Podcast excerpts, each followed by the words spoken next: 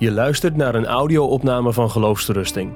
De video die bij deze opname hoort kun je vinden op onze website. Ooit was er een evangelist in Amerika die een evangelisatiedienst hield in de gevangenis. Hij sprak voor criminelen, mensen die een langere tijd in hechtenis zaten.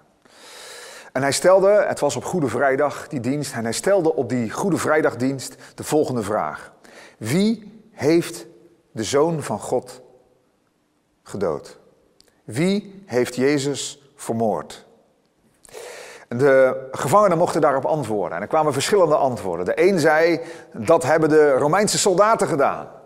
En een ander zei, nee, nee, uiteindelijk zaten daar de Joodse leiders achter, die het plan smeden om hem te laten doden.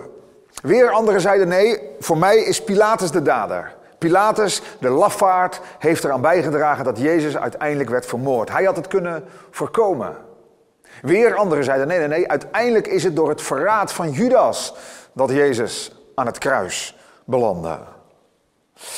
De evangelist zei: Jullie hebben allemaal een beetje gelijk.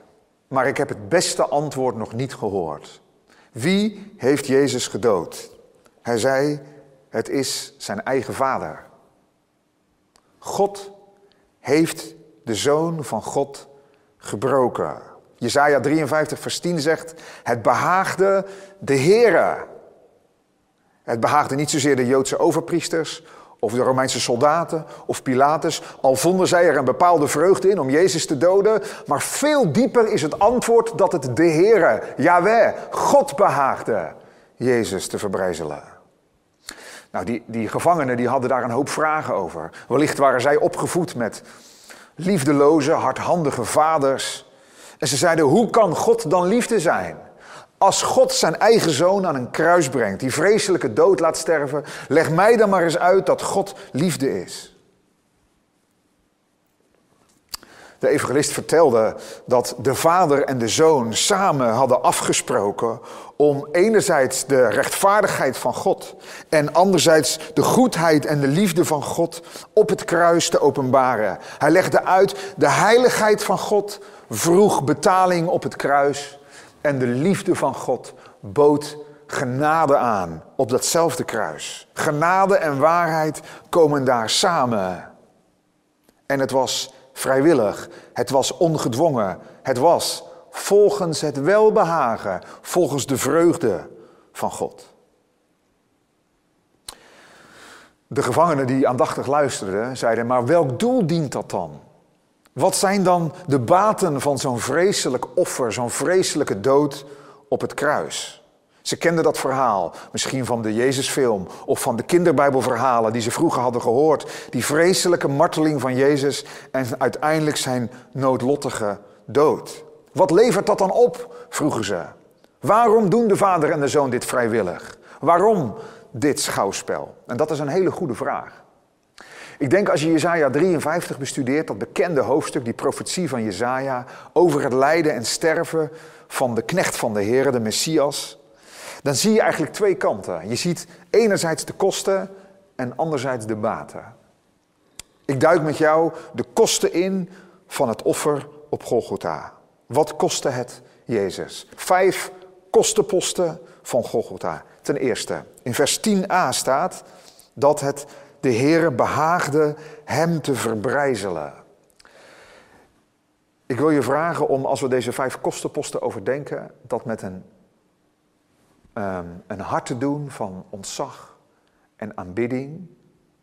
Om op Golgotha en aan de rand van Gethsemane te staan en daar te beseffen wat de Zoon van God voor jou heeft gedaan. Wat het hem kostte. Wat de kostenposten voor hem waren om door de Vader verbrijzeld te worden, om het welbehagen zijn voortgang te laten hebben. Het eerste is dus dat Jezus werd verbrijzeld. Dat woord verbrijzelen is een heftig woord. Misschien ben je eraan gewend aan die uitspraak, het behaagde de Heer hem te verbrijzelen. Maar letterlijk betekent het dat de Heer Jezus werd vermalen, werd verpletterd. Ik denk dat het daar niet zozeer om zijn lichaam gaat, al stierf hij een gruwelijke lichamelijke dood.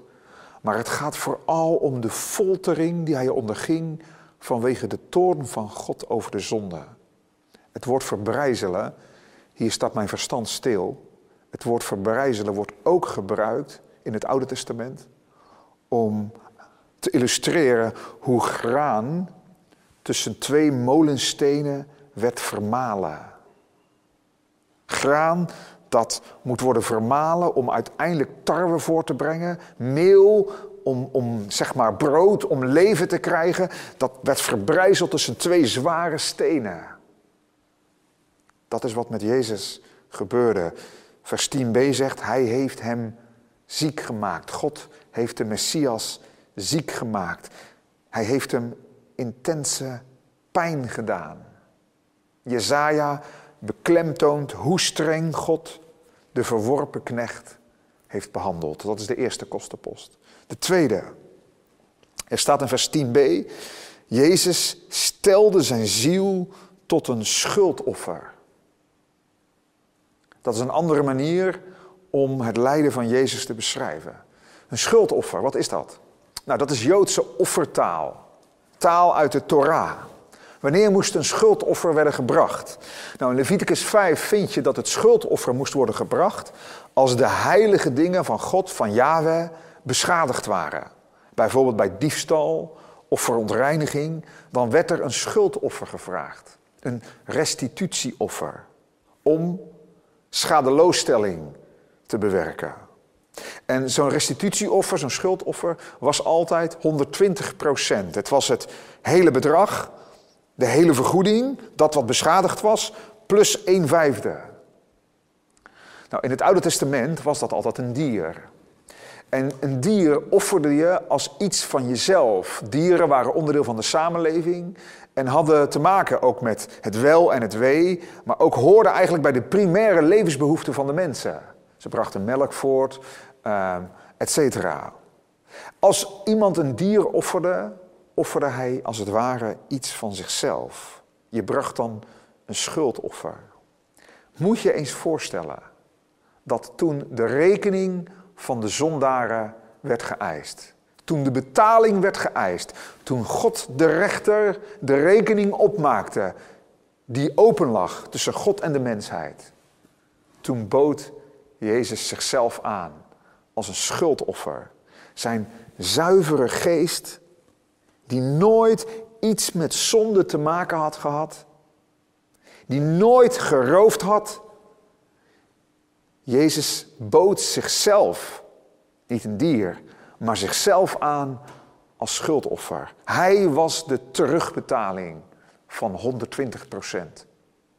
Met andere woorden, en dat vind ik zo'n diepe gedachte, wat Jezus daar terugbetaalde aan God de Vader, God de Rechter, was meer dan wat er ooit aan schuld door de mensen was veroorzaakt. De derde kostenpost. Er staat in vers 11, om de moeitevolle inspanning van zijn ziel zal hij het zien. Jezus leverde een moeitevolle inspanning van zijn ziel. Je, kan dat woord ook vertalen met psyche. zijn innerlijk, zijn inner being in het Engels.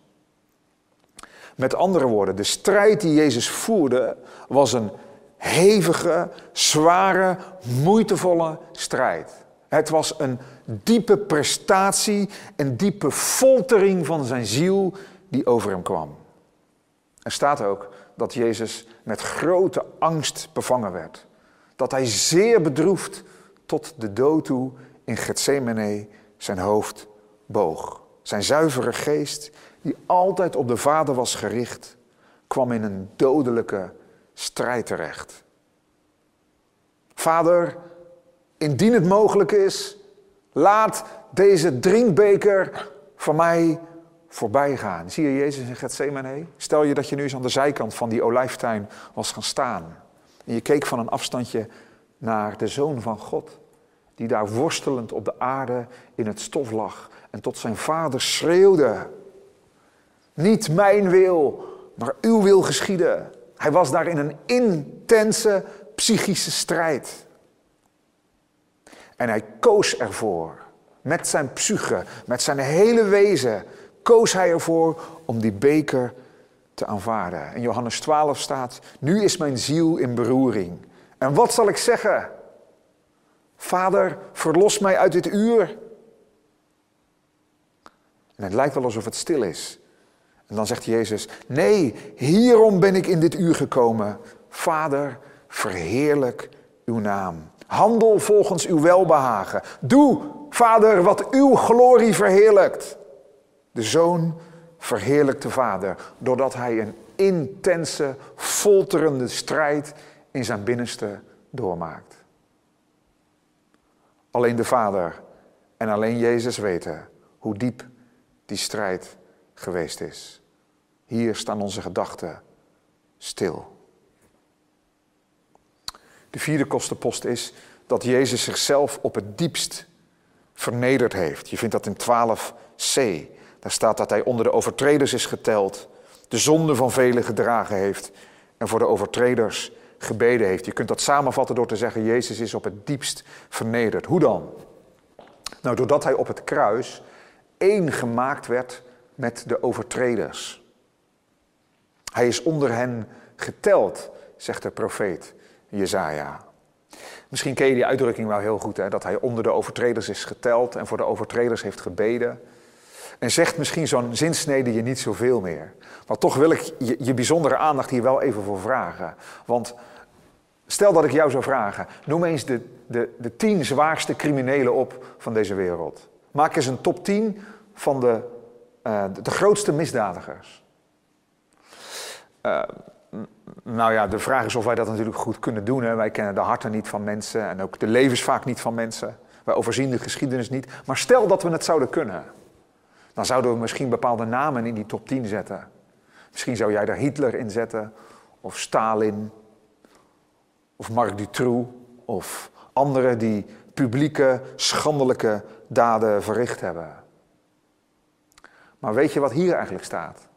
Dat de Heer Jezus zegt, je kan mij er ook onder rekenen. Niet als nummer 10, maar als nummer 1. De Vader heeft hem tot zonde gemaakt. En hij is onder de overtreders geteld geweest. Jezus tussen de criminelen. En de vijfde kostenpost, tot slot, is dat vers 12b zegt dat Jezus zijn ziel uitstortte in de dood. Wat betekent dat? Jezus heeft zijn ziel, zijn psyche, zijn innerlijk, zijn innerlijke mens uitgestort, uitgeknepen tot in de dood. Hij bewoog als het ware op het kruis, doelbewust richting het ravijn van de dood. Daar moet het heen. Dat deed hij al richting Golgotha. Dat hij niet aanstuurde op ontsnapping, niet loskwam van het kruis toen hij daartoe uitgedaagd werd. Maar doelbewust daarheen ging. Dat was ook zo met de dood. Toen het, die dikke duisternis kwam, heeft Jezus zijn ziel richting de dood gestuurd. Hij stortte zijn ziel uit in de dood. Jezus is niet vermoord. Jezus heeft zijn leven afgelegd. Jezus koos ervoor om zijn leven af te leggen. Vader, in uw handen beveel ik mijn geest. Hoe ging dat dan? Hij legde zichzelf in de handen van een vader die hem verbrijzelde. Jezus werd niet gewurgd door misdadigers. Maar Jezus legde zichzelf, stortte zijn ziel uit en gaf zich in de handen van de Vader, die hem volgens zijn welbehagen verbrijzelde. Ik sluit af met een verhaaltje.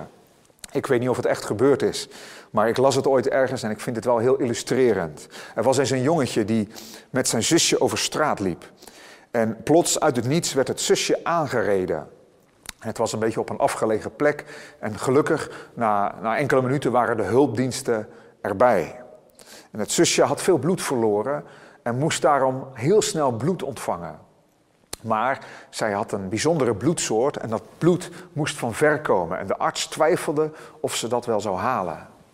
En een van de artsen besloot, misschien is het goed om een bloedmonster bij haar broertje te doen. Misschien heeft hij wel dezelfde bloedgroep en kunnen we dat bloed bij hem aftappen en bij haar inbrengen. Natuurlijk met enig risico, maar als dat zijn leven of haar leven zou kunnen redden, dan zouden we dat doen.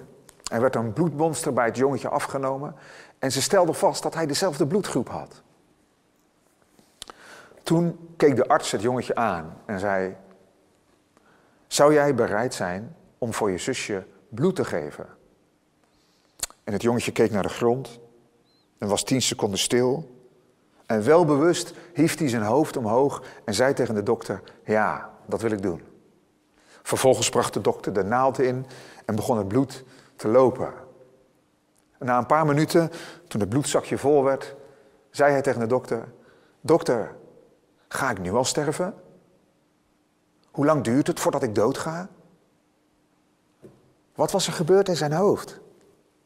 Hij had de vraag van de dokter geïnterpreteerd als: Ben jij bereid om je leven voor je zusje te geven? Zou jij bloed willen geven zodat zij blijft leven en jij doodgaat? Zo had hij de vraag opgevat. En wel bewust, terwijl hij naar de grond keek, had hij op die vraag ja geantwoord. Hij gaf zichzelf als het ware in de dood. Dat heeft Jezus gedaan. Hij stortte zijn ziel uit in de dood. Niet voor lieve zusjes, maar voor rebelse vijanden, zoals jij en ik, zodat wij het eeuwige leven zouden hebben. Heb je Hem daarvoor vanuit de grond van je hart gedankt en heb je Hem daarvoor geprezen, duizend, duizend maal, o Heer, zij U daarvoor dank en eer.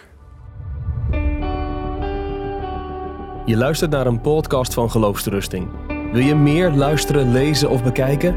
Steun dan ons werk en ga naar de website geloofsterusting.nl.